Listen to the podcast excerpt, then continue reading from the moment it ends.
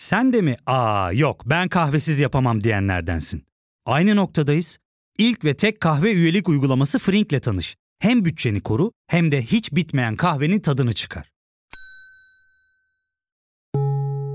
Yakınlarından terapinin onlara ne kadar iyi geldiğini dinlesen de kendin için bir şeylere başlamak zor geliyor olabilir. Ya da sevdiklerine yardım etmeye istekliyken kendi ihtiyaçlarını görebilmek.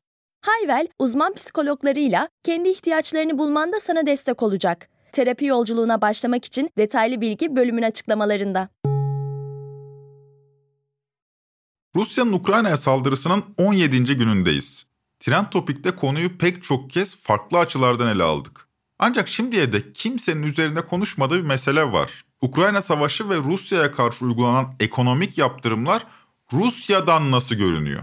Savaşın başından bu yana Putin'in açıklamalarını dinliyor ve bazılarını yeri geldiğinde sizlerle paylaşıyoruz. Ama savaş Rusya'dan nasıl görünüyor sorusuyla bu kez kastettiğimiz Putin ve çevresinin açıklamaları veya onların dünya görüşü değil. Bu kez Rusya halkının ne düşündüğünü soracağız. Trend Top'in 116. bölümünde birbirinden farklı dünya görüşlerine sahip iki Rus gazeteciye ulaştık. Vladimir Jarov ve Valeria Ratnikova. Rus halkının savaş hakkında ne düşündüğünü, Rus medyasında nelerin gösterilip nelerin gösterilmediğini, ekonomik yaptırımların günlük hayata etkisini ve Putin'e verilen desteğin azalıp azalmadığını onlardan dinleyeceğiz. Ben Ozan Gündoğdu, hazırsanız başlayalım.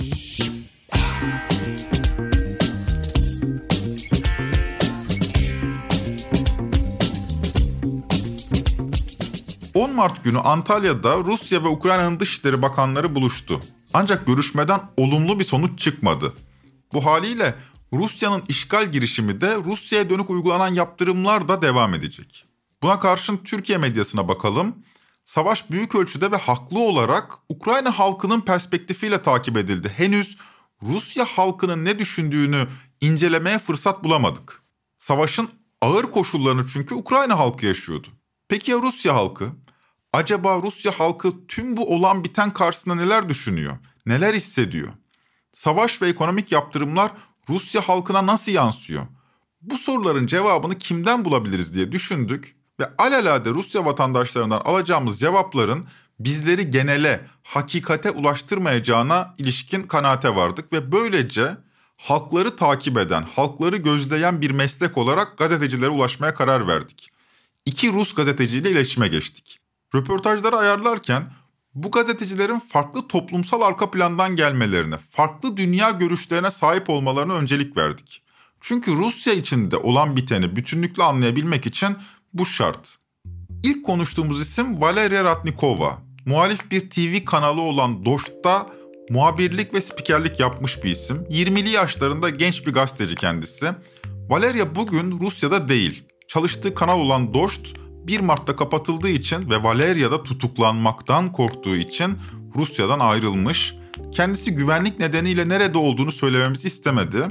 Hikayesini kendisinden dinleyelim. Bu arada röportajı İngilizce yaptığımız için Valeria'nın anlattıklarını bölüm boyunca eşim Zeynep'in sesinden duyacaksınız. Bunu da ekleyelim. Uh, Rusya'daki tek bağımsız TV kanalında çalışıyordum. Kanalın adı Dost. İki buçuk yıldır bu kanalda çalışıyorum. Önce muhabirdim, daha sonra ise spikerliğe geçtim. Aynı zamanda video hikayeler yapıyordum. Çalıştığım bu kanal, Rusya merkezli olan kanallar arasında devletin resmi ideolojisinin dışında yayın yapan tek televizyon kanalıydı. Rusya'daki kanalların çoğu finansal olarak devlete bağlı veya doğrudan devlet kanalı. Biz ise finansal olarak devletten bağımsız olan tek kanaldık. Daha sonra Ukrayna Savaşı başladı.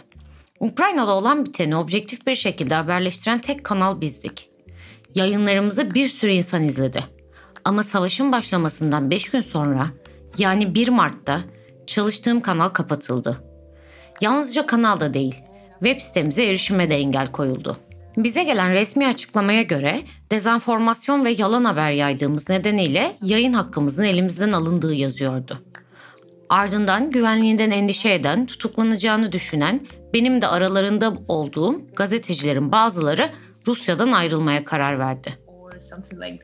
Valeria'ya kanalının nasıl kapatıldığını sorduk. Yani bir mahkeme kararı vesaire var mıydı? Aldığımız cevap bizdeki Rütü'ye benzer bir kurum aracılığıyla kapatıldığı oldu. Rusya'da radyo ve televizyonları denetleyen bir kurum aracılığıyla Dost televizyonu kapatılmış. Gazeteciler de böylece işsiz kalmış. Ardından tutuklanma korkusu nedeniyle Valeria da Rusya'dan ayrılmak zorunda hissetmiş kendisini. Valeria'ya Rusya'daki medyayı soruyoruz. Rusya halkı Ukrayna'daki savaşa dair televizyonlarda ne izliyor? Cevabını kendisinden dinleyelim. Uh, when it all began, this, uh, Savaş başladığında Rusya'daki radyo ve televizyonları denetleme kurumu tüm kanallara bir yazı gönderdi. Eğer Ukrayna'da gerçekleşen askeri operasyonu savaş veya işgal kelimeleriyle haberleştirirseniz veya eğer Rusya Savunma Bakanlığı'nın paylaştığı resmi enformasyon dışında başka bir enformasyon paylaşırsanız 5 milyon ruble ceza kesilecek ya da hapse gireceksiniz. Aslında Ukrayna konulu haberlerde Rus medyası üzerindeki baskı uzun süredir bu şekilde. Son 8 yıldır Kırım'ın işgaliyle başlayıp Donbas'taki savaşın başlamasına ve Rusya'nın Donbas'taki ayrılıkçıları desteklemesine kadar olan süreçte Rus medyası hep büyük bir devlet propagandasının parçası oldu. Bu yüzden de televizyon kanalları Ukrayna'da olup biteni aktarırken yalnızca Donetsk ve Lugansk'tan görüntüler paylaşıyorlar. Çünkü Putin'in Rusya'nın müdahalesini meşrulaştırmak için kullandığı argümanlar bu bölgelerle ilgili. Ama Kiev'den veya bombalanan Harkov'dan hiçbir görüntü paylaşılmıyor. Bu kanallara göre sanki savaş yalnızca Donbas'ta oluyor gibi. Ukrayna üzerine yürütülen bu propagandanın ana anlatısı Valeria'ya göre şöyle. Ukrayna'yı neonazi destekçileri yönetiyor. Ukrayna hükümeti Donbas'taki Ruslara yönelik katliamlar yürütüyor. Bu anlatıya göre Donbas'taki insanlar yalnızca özgürlük istiyorlar ve Ukrayna hükümetinin desteklediği neonaziler bu insanların üzerine bomba yağdırıyor. Zaten Putin'in de şu anda gerçekleşen işgali meşrulaştırdığı argümanlardan biri bu. Ukrayna'da Ruslara karşı bir soykırım yapılıyor. Bu soykırımı durdurmak için de Rusya'nın müdahale hakkı vardır diyor Putin. Rus televizyonlarına dönen anlatı da genel olarak bu. Trend Topi'nin önceki bölümlerinde Ukrayna'daki neonazi gerçeğini de ele almıştık. Bunu reddetmemek gerekiyor. Odessa'da neonazilerin gerçekleştirdiği katliamlar da hafızamızda. Hatta neonazilerin Poroshenko döneminde kabineye girdiğini bile gördük. Ancak Ukrayna'yı neonaziler yönetiyor demek biraz propagandif. Bu tez üzerine ülkeyi tümüyle işgale kalkışmak ölçülü bir tepki de değil. Öte yandan Rusya'nın Avrupa'daki aşırı sağcı iktidarlarla iyi ilişki kurduğunu da biliyoruz. Valeria'ya Rusya halkının medyaya güvenip güvenmediğini de sorduk. Yani medya tek taraflı ama ne kadar etkili? Burada gençleri ayrı yaşlıları ayrı gerek değerlendirmek gerektiğini söylüyor Valeria. Birlikte dinleyelim. there is a stereotype among young Rusya hakkında şöyle bir genelleme yapabilirim. Gençler televizyonda gösterilen şeylere inanmıyorlar. Bunların yalan olduğunu düşünüyorlar. Bu yüzden de televizyon izlemiyorlar.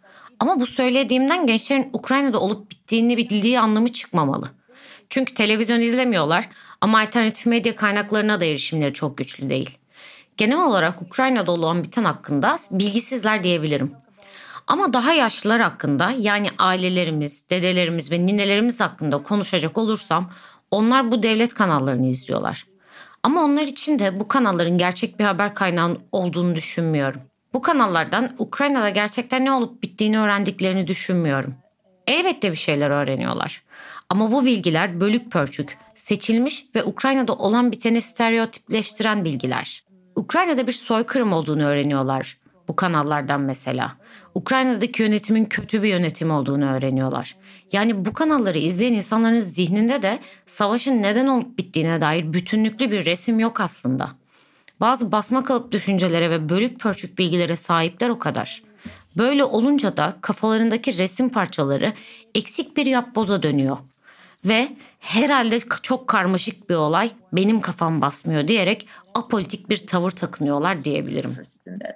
Gerilimin başından bu yana Putin Ukraynalılarla Rusyalıların aynı ulusun parçası olduğunu söylüyor. Ancak Ukraynalıların büyük kısmı kendilerinin ayrı bir ulus olduğu görüşünde. Peki Valeria ne düşünüyor? Onun gözlemleri nedir? Yani Ukraynalılar Rusya halkının gözünde ayrı bir millet mi? I think that Putin is nationalist. Bence milliyetçi olan Putin. Rusya'daki pek çok kişinin Ukraynalı tanıdıkları, akrabaları, arkadaşları var. Sonuçta zamanında aynı ülkede yaşadılar. Sovyetler Birliği'nde yani. Doğruyu söylemek gerekirse özellikle yaşlılar arasında yani Sovyetler döneminde yaşamış olan Ruslar arasında Ukraynalıları farklı bir millet olarak görmek istememe gibi bir tutum var. Ama açıkçası Putin 2014 yılından bu yana Ukrayna ve Rusya arasındaki gerilimi tırmandırmamış olsaydı Ukraynalılar ayrı bir millet mi türünden sorular bugün kimsenin aklında bile olmazdı. Milliyetçi argümanları güncele taşıyan şey büyük ölçüde Putin'in Ukrayna'ya karşı yürüttüğü siyaset. Gördüğünüz üzere Rusya deyince jenerasyon farkı son derece belirleyici. Valeria'ya sorduğumuz hemen her soru gençler için farklı, yaşlılar için farklı bir cevap buluyor. Bu da Putin rejiminin geleceğine ilişkin fikir veriyor. Gelecek kuşaklar yani bugünün genç kuşakları Putin rejimine ikna olmadan bu rejimin geleceği çok parlak sayılmaz. Diğer yandan Rusya'daki kuşak çatışması Türkiye'ye de benzer özellikler gösteriyor. Bizde de gençler iktidara yaşlılara göre daha tepkili değil mi? Bunu gözleyebiliyoruz. Uluslararası medyada bir köşede Putin var, diğer köşede ise Zelenski. Gerilimin başlarında Zelenski direkt olarak Rus halkına seslendi ve hala buna devam ediyor. Ve şu da söylenebilir. Zelenski başarılı bir süreç yönetti. Ukrayna'da kaldı, Kiev sokaklarından videolar paylaştı, duygu yüklü konuşmalar yaptı. Bu tabloyu bir Rus gazeteci olan Valeria'ya da sorduk. Rus halkı arasında Zelenski'nin imajı ne durumda? Bir nefret objesi mi kendisi? Sonuçta doğrudan kendi devletlerinin savaştığı bir ülkenin liderinden bahsediyoruz. Even a liberal public that does not support the war. Bugün savaşı desteklemeyen Rus liberaller arasında bile savaştan önceki gerilimde şöyle bir düşünce vardı. Tamam Zelenski belki iyi biri olabilir ama sonuçta bir komedyen yani. Belki de çok ciddi değildir. Ne yapabileceğini, devlet yönetmeyi bilmiyor olabilir. Ama savaş başladıktan sonra Twitter'da veya Facebook'ta paylaşılanları okuduğumda Ukrayna'daki savaşa karşı olan herkes Zelenski hakkında olumlu görüşlere sahip. Onu kahraman gibi görüyorlar. Aslına bakarsanız hiç kimse Ukrayna'nın bu kadar uzun süre direneceğini de düşünmemişti. Rusya yönetimi dahil kimsenin beklentisi bu yönde değildi. Savaş başladığında Rusya devletiyle bağlantılı anket şirketleri bu askeri operasyonu destekliyor musunuz şeklinde bir anket düzenledi. Bu ankete göre insanların %58'i Rusya'nın müdahalesini destekliyordu. Ama ben bu sonuca da inanmıyorum. Çünkü bu anket bir devlet şirketi tarafından yapılıyor ve insanlar korktukları için özgür veya dürüst cevaplar veremiyorlar. Uh. Bu arada ilginç bir gelişme daha var. Ukrayna'dan Avrupa'ya iltica edenleri görüyoruz. Ancak Valeria'nın anlattıklarından Rusya'dan da iltica edenlerin hiç azımsanmayacak büyüklükte olduğunu anlıyoruz. Rusya'da Putin muhalifi olan çevreler Gürcistan'a ya da Türkiye'ye doğru yola koyulmuş durumda. Yalnız Putin muhalifleri de değil. Uygulanan ekonomik yaptırımlar sonrası Rusya'nın dünyadan daha izole, dışarıya hepten kapalı bir otokrasiye dönüşeceğinden çekinen veya basitçe fakirleşeceğini düşünen Ruslar da bu göçmenlerin içerisinde. Valeria net sayı veremiyor ama aldığı duyumlara göre Gürcistan sınırında 20 binden fazla Rus'un sınırı geçmek istediğini aktarıyor. Bu konuda tek kaynağımızın Valeria olduğunu ekleyelim. Yani iddiamızın dayanağı Valeria'nın kendisi. Peki savaş karşıtları ne durumda? İlk günlerde küçük ölçekli de olsa savaşa hayır eylemleri yapıldı ama devamı gelmedi. Valeria'ya göre bu eylemleri küçümsememek lazım çünkü insanlar dayak yemekten, tutuklanmaktan veya ceza almaktan korkuyorlar. Rusya'daki hava son derece gergin görünüyor bu haliyle. Türkiye'ye nasıl baktıkları da merak ettiğimiz sorulardan bir diğeri oldu. Türkiye bir NATO ülkesi ama yaptırımlara da Avrupa ve ABD kadar sert ölçekte katılmadı. Valeria ne düşünüyor acaba? Türkiye'yi nasıl görüyor? Kendisinden dinleyelim. Turkey is in NATO, so it couldn't be. Türkiye NATO'da. Bu yüzden batıya aksi yönde hareket edeceğini düşünmüyorum. Ama Türk siyaseti hakkında çok da fazla şey bilmiyorum. Bazı insanlar Türkiye'nin özgür bir toplum olmadığını, Erdoğan'ın da demokrat olmadığını söylüyorlar. Bu yüzden de Türkiye halkının hepsinin savaşa karşı olup olmadığından emin değilim. Benim şimdiye dek konuştuklarım savaş karşıtıydılar. Ama bunların hepsi liberal gazetecilerdi. Ama halkın geri kalanı ne düşünüyor gerçekten bilmiyorum. Ama şu an dünyada Rusya'ya karşı bir tepki var. Bu yüzden Ruslara karşı da bir genelleme var. Ama ben insanlara hepimizin bu savaşı desteklemediğini söylemek istiyorum. Ya fark ettin mi? Biz en çok kahveye para harcıyoruz. Yok abi, bundan sonra günde bir. Aa, sen Frink kullanmıyor musun? Nasıl yani? Yani kahvenden kısmına gerek yok. Frink'e üye olursan aylık sadece 1200 TL'ye istediğin çeşit kahveyi istediğin kadar içebilirsin. Günlük 40 TL'ye sınırsız kahve mi yani? Çok iyiymiş. Aynen. Hatta şu anda 200 TL'lik bir indirim kodu da var. E hadi hemen indirip üye ol da bu fırsatı kaçırma. Terapiye başlamak, içinden çıkamadığın döngüleri kırmak, bazı yanlış bulduğun kararlarını değiştirmek ve kendinle beraber daha huzurlu bir yaşam inşa etmek için atabileceğin en değerli adımlardan biri. Hayvel ile yoğun yaşam tempona uyum sağlayarak online terapi seanslarını takvimine göre ayarlayabilirsin. Bini aşkın uzmandan sana en uygun terapisti seçebilir, podb10 koduyla indirimden yararlanabilirsin. Detaylı bilgi açıklamalardaki bağlantıda. Şimdi bir de Valeria'yı bırakıp Vladimir Jarov'a odaklanalım. Önce kendisini bir tanıtayım. Vladimir Jarov, Moskova ve Türkiye arasında mekik dokuyan 60'lı yaşlarda emekli bir gazeteci. İki isim arasındaki yaş farkı Rusya'daki jenerasyon çatışmasını da vurgulaması açısından önemli. Hatırlarsınız Valeria 20'li yaşlarındaydı. Vladimir, Valeria'nın aksine iyi derecede Türkçe biliyor. Bu nedenle onun anlattıklarını kendi sesiyle dinleme fırsatımız olacak. Vladimir daha önce Rusya'da Mehmet Ali Birant'la 32. gün içinde beraber çalışmış bir isim. Uzun yıllar TAS ajansında gazetecilik yapmış. TAS, Sovyetler Birliği'nin resmi haber ajansıydı. Bugün ise Rusya devletine ait haber ajanslarından biri. Ajans bir kamu iktisadi teşebbüs. Yani ajansın sahibi an itibariyle Rusya devleti. Benzer soruları Vladimir'e de sorduk. Mesela ekonomik yaptırımlar Rusya halkının savaşı olan tepkisini değiştiriyor muydu? Savaşın gerekçesi haklı mıydı? Vladimir'i dinleyelim. Kendi üzerimize biz fazla etkini görmedik henüz. henüz. Ama günden güne daha önce getirilen yabancı yani ithal mallar tabii ki raflardan kayboluyor. Yalnız Rusya kendini besleyebilir. Hem de ham madde olarak yani biz de zenginiz. Bu konuda fazla tereddüdümüz yok. Bu bir nevi ekonomik ablukayı biz rahatlıkla geçiririz. Ama yani şu an panik bir şey yok. Mağazalarda raflar dolu. Ama e, halk bu savaştan acıyor. Acıyor gerçekten. Neden? Çünkü neredeyse bütün bizim ailelerimizde Ukraynalı var biliyor musunuz? Benim amcam da Ukraynalı. Çok da dostlarımız var oradan. Yazışıyoruz, görüşüyoruz. Tabii acıyoruz, acıyoruz onların yerine. Fakat bu tedbir alınmasaydı zaten faşistler darbe vuracaktı. Yani Ukraynalı faşistler, Ukraynalı Naziler grupları. Yani bunun için zamanında ve önleyici bir tedbir olarak destekliyoruz ama acıyarak destekliyoruz. Ukraynalılarla Rusyalıların aynı ulus oldukları konusunda hem Vladimir hem de Valeria benzer görüşte. Türkiye'den bu iki ülkeye bakıldığında birbirinden apayrı iki ulus görünebilir. Ama dilleri birbirinin neredeyse aynı olan iki Slav halkından bahsediyoruz. Şöyle diyor Vladimir.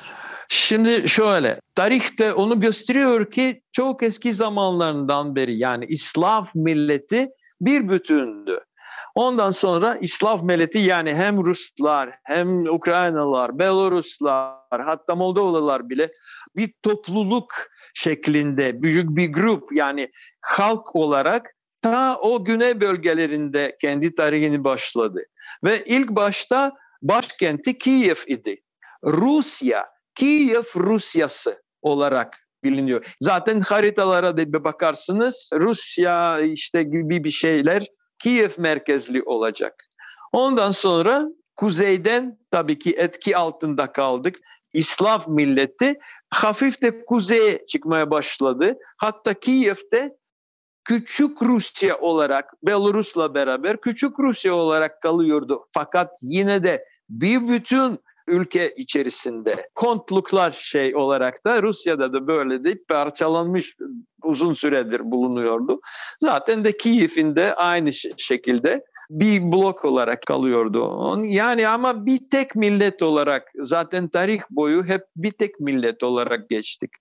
Birbirimizi rahat anlıyoruz. Hatta Ukraynalıların öz Ukraynaca olarak konuşan nüfusun yüzde onu var mı? O da sorun. Çünkü normalde onların dili Surjik adı altında biliniyordu. Yarı Rusça, yarı Ukraynaca ve çok da rahat anlaşılıyordu. Siz Azerbaycanlılarla nasıl anlaşıyorsunuz da aynı şekilde de biz anlaşıyoruz. Vladimir'e Rusya halkının Putin'e dönük sempatisinde azalma olup olmadığını da sorduk. O da tıpkı Valeria gibi kuşak farklılığından bahsetti. Yaşlıların bakış açısıyla gençlerin bakış açısı arasında fark olduğunu vurguladı. Putin'e dönük sempati nereden kaynaklanıyor? Son zamanlarda bu sempatide bir azalma oldu mu? Vladimir'in cevabı şöyle. Şimdi o biraz e, karmaşık ve çok uzun sohbete ihtiyaç duyan bir soru tamam mı?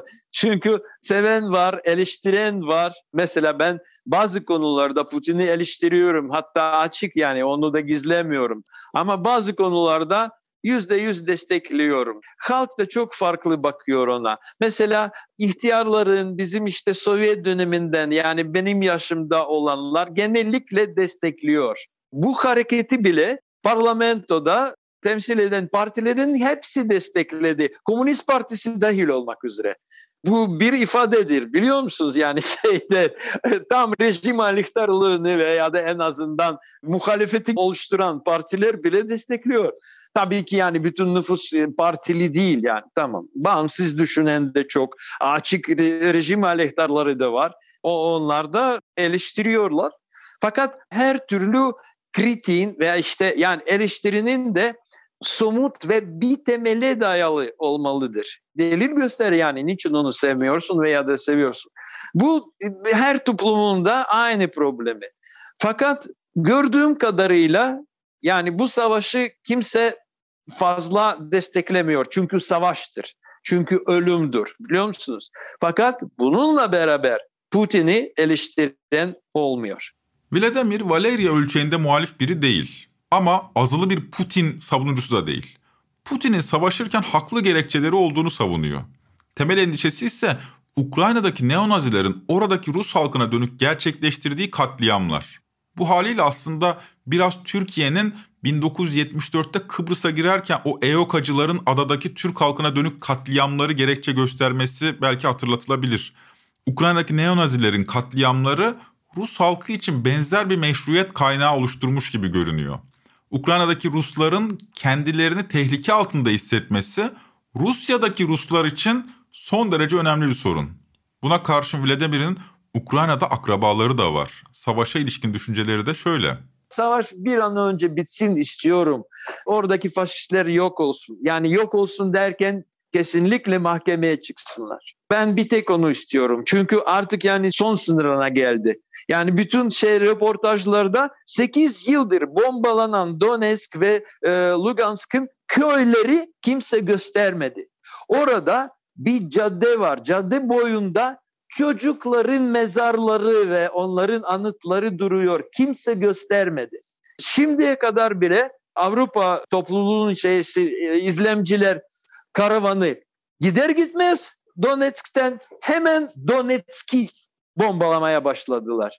Haber verir tamam biz çıktık diye bombalamaya başlayın demek bu. Çünkü hemen arkasından neredeyse son konvoyun son arabası Donetsk'i terk eder etmez hemen bombalar akmaya başladı. Ama yine de doğru ve gerçek er geç ortaya çıkar ve işte suçlu olan cezalandırılır kesinlikle. Kan istemiyoruz yani gerçekten ben çok acıyorum. Orada akrabalarım var, dostlarım var. Ancak Vladimir Batı dünyasına da kızgın. Batı'nın Ukrayna'yı kullandığını söylüyor. Savaşın ve ekonomik yaptırımların uzun süreceğinden endişe ediyor. Batı'nın sorumluluğunu da vurguluyor. Vallahi uzun sürer. Bilmiyorum. Ee, tabii ki yani biz de iyisini düşünmek istiyoruz. Zaten de düşünüyoruz. Yalnız hem Avrupa hem Amerika, başta Amerika olmak üzere. Avrupa'da e, Amerika'nın kuyruğu. Savaş istiyorlar, resmen savaş. Niçin şimdi arabuluculuk kimse teklif etmiyor? Sadece Rusya'yı suçlayıp da al sana silah Ukrayna'ya diyorlar. Al sana silah. Demek yani onların amacı savaşın sürdürülmesi. Hiçbir taraftan arabulucu olayım yani sizi barıştırayım demedi. Kimse demedi. Al sana silah, hemen silah. Amerika'dan ve Avrupa'dan silah. Bütün hava sahası Rus e, hava kuvvetleri altındadır. Nasıl getirecekler bu silahları? Şimdi o da iki yüzlülük var. Aa öyle mi? Aa ya nasıl vereceğiz? Veremedik mi? Ama biz size bakınız yani biz bütçeden para ayırttık bile zavallı Ukrayna tamam biz yani gereğini yaptık değil mi? Yaptık da ama tamam getiremin neyse tamam onu diyecekler. Onu diyecekler resmen öyle. Yani bu oyundur baştan sona kadar oyundur. Rusya halkı çok ağır ekonomik yaptırımlarla karşı karşıya kalmış durumda. Bu durum Rusya halkını endişelendiriyor elbette. Ancak dayanırız diyor Vladimir. Burada Türkiye ile Rusya'yı da karşılaştırıyor. Biz alışkınız diyor. İkinci Dünya Savaşı'nı gördük biz diyor. Siz görmediniz. Vladimir'i dinleyelim. Birçok savaş oldu ama o kadar ciddi zarar İkinci Dünya Savaşı'nda gören yani bir tek Rusya olmuş. Yani Rusya Sovyetler Birliği bu. Çünkü Ukrayna'da aynı şekilde Belarus yani bütün cumhuriyetlerde çok büyük yara almışız. Ve zor şartlara biz alışmışız. Yani siz Atatürk'ün milli kurtuluş yani savaşından sonra artık savaşınız yoktu. Yani ekonomiye veya e, şehirlerin ortadan kaldırılması işte bombalaması de değil yani biliyorsunuz yani ama bizim geçirdiğimiz yani bu tür zorluklara alışık bir halkız bunun için sabırımız var evet tüketinceye kadar. İkinci Dünya Savaşı'na girmemek ne büyük talihmiş değil mi? Bizi bu kanlı paylaşım savaşına bir biçimiyle sokmayanlara minnet borçluyuz sanırım. Henüz ilk bölümde bu savaşın halkların savaşı olmadığını söylemiştik. Bu nedenle Trend Topik'te tarafgir değil objektif bir bakış açısı takip etmeye çalıştık. Kamplaşmanın savaşa dönüştüğü böyle bir ortamda en çok hakikatin zarar gördüğünü biliyoruz. Bu yüzden objektiflik hakikat için son derece elzem. Bu bölümde iki ayrı hakikat evrenini sunduk size. Bir tarafta Vladimir vardı, diğer tarafta Valeria. Vladimir azılı bir Putin sempatizanı değil kesinlikle. Bu açıdan büyük ölçüde Rus halkının durumunu temsil ediyor. Valeria ise Putin muhalifi ve görüşleri nedeniyle Rusya'dan ayrılmak zorunda kalmış genç bir gazeteci. Kendisine sorduğumuzda hala gazetecilik yapmaya devam etmek istediğini söylüyor ama bunu nerede nasıl yapabileceğinden emin değil. Geleceği hakkında endişeli. Rusya'dan iki gazetecinin gözüyle manzara böyleydi. Böylece 116. bölümün sonuna geldik. Trend Topi Podbi Media ile beraber hazırlıyoruz. Barışın değerini bildiğiniz günler dilerim. Hoşçakalın.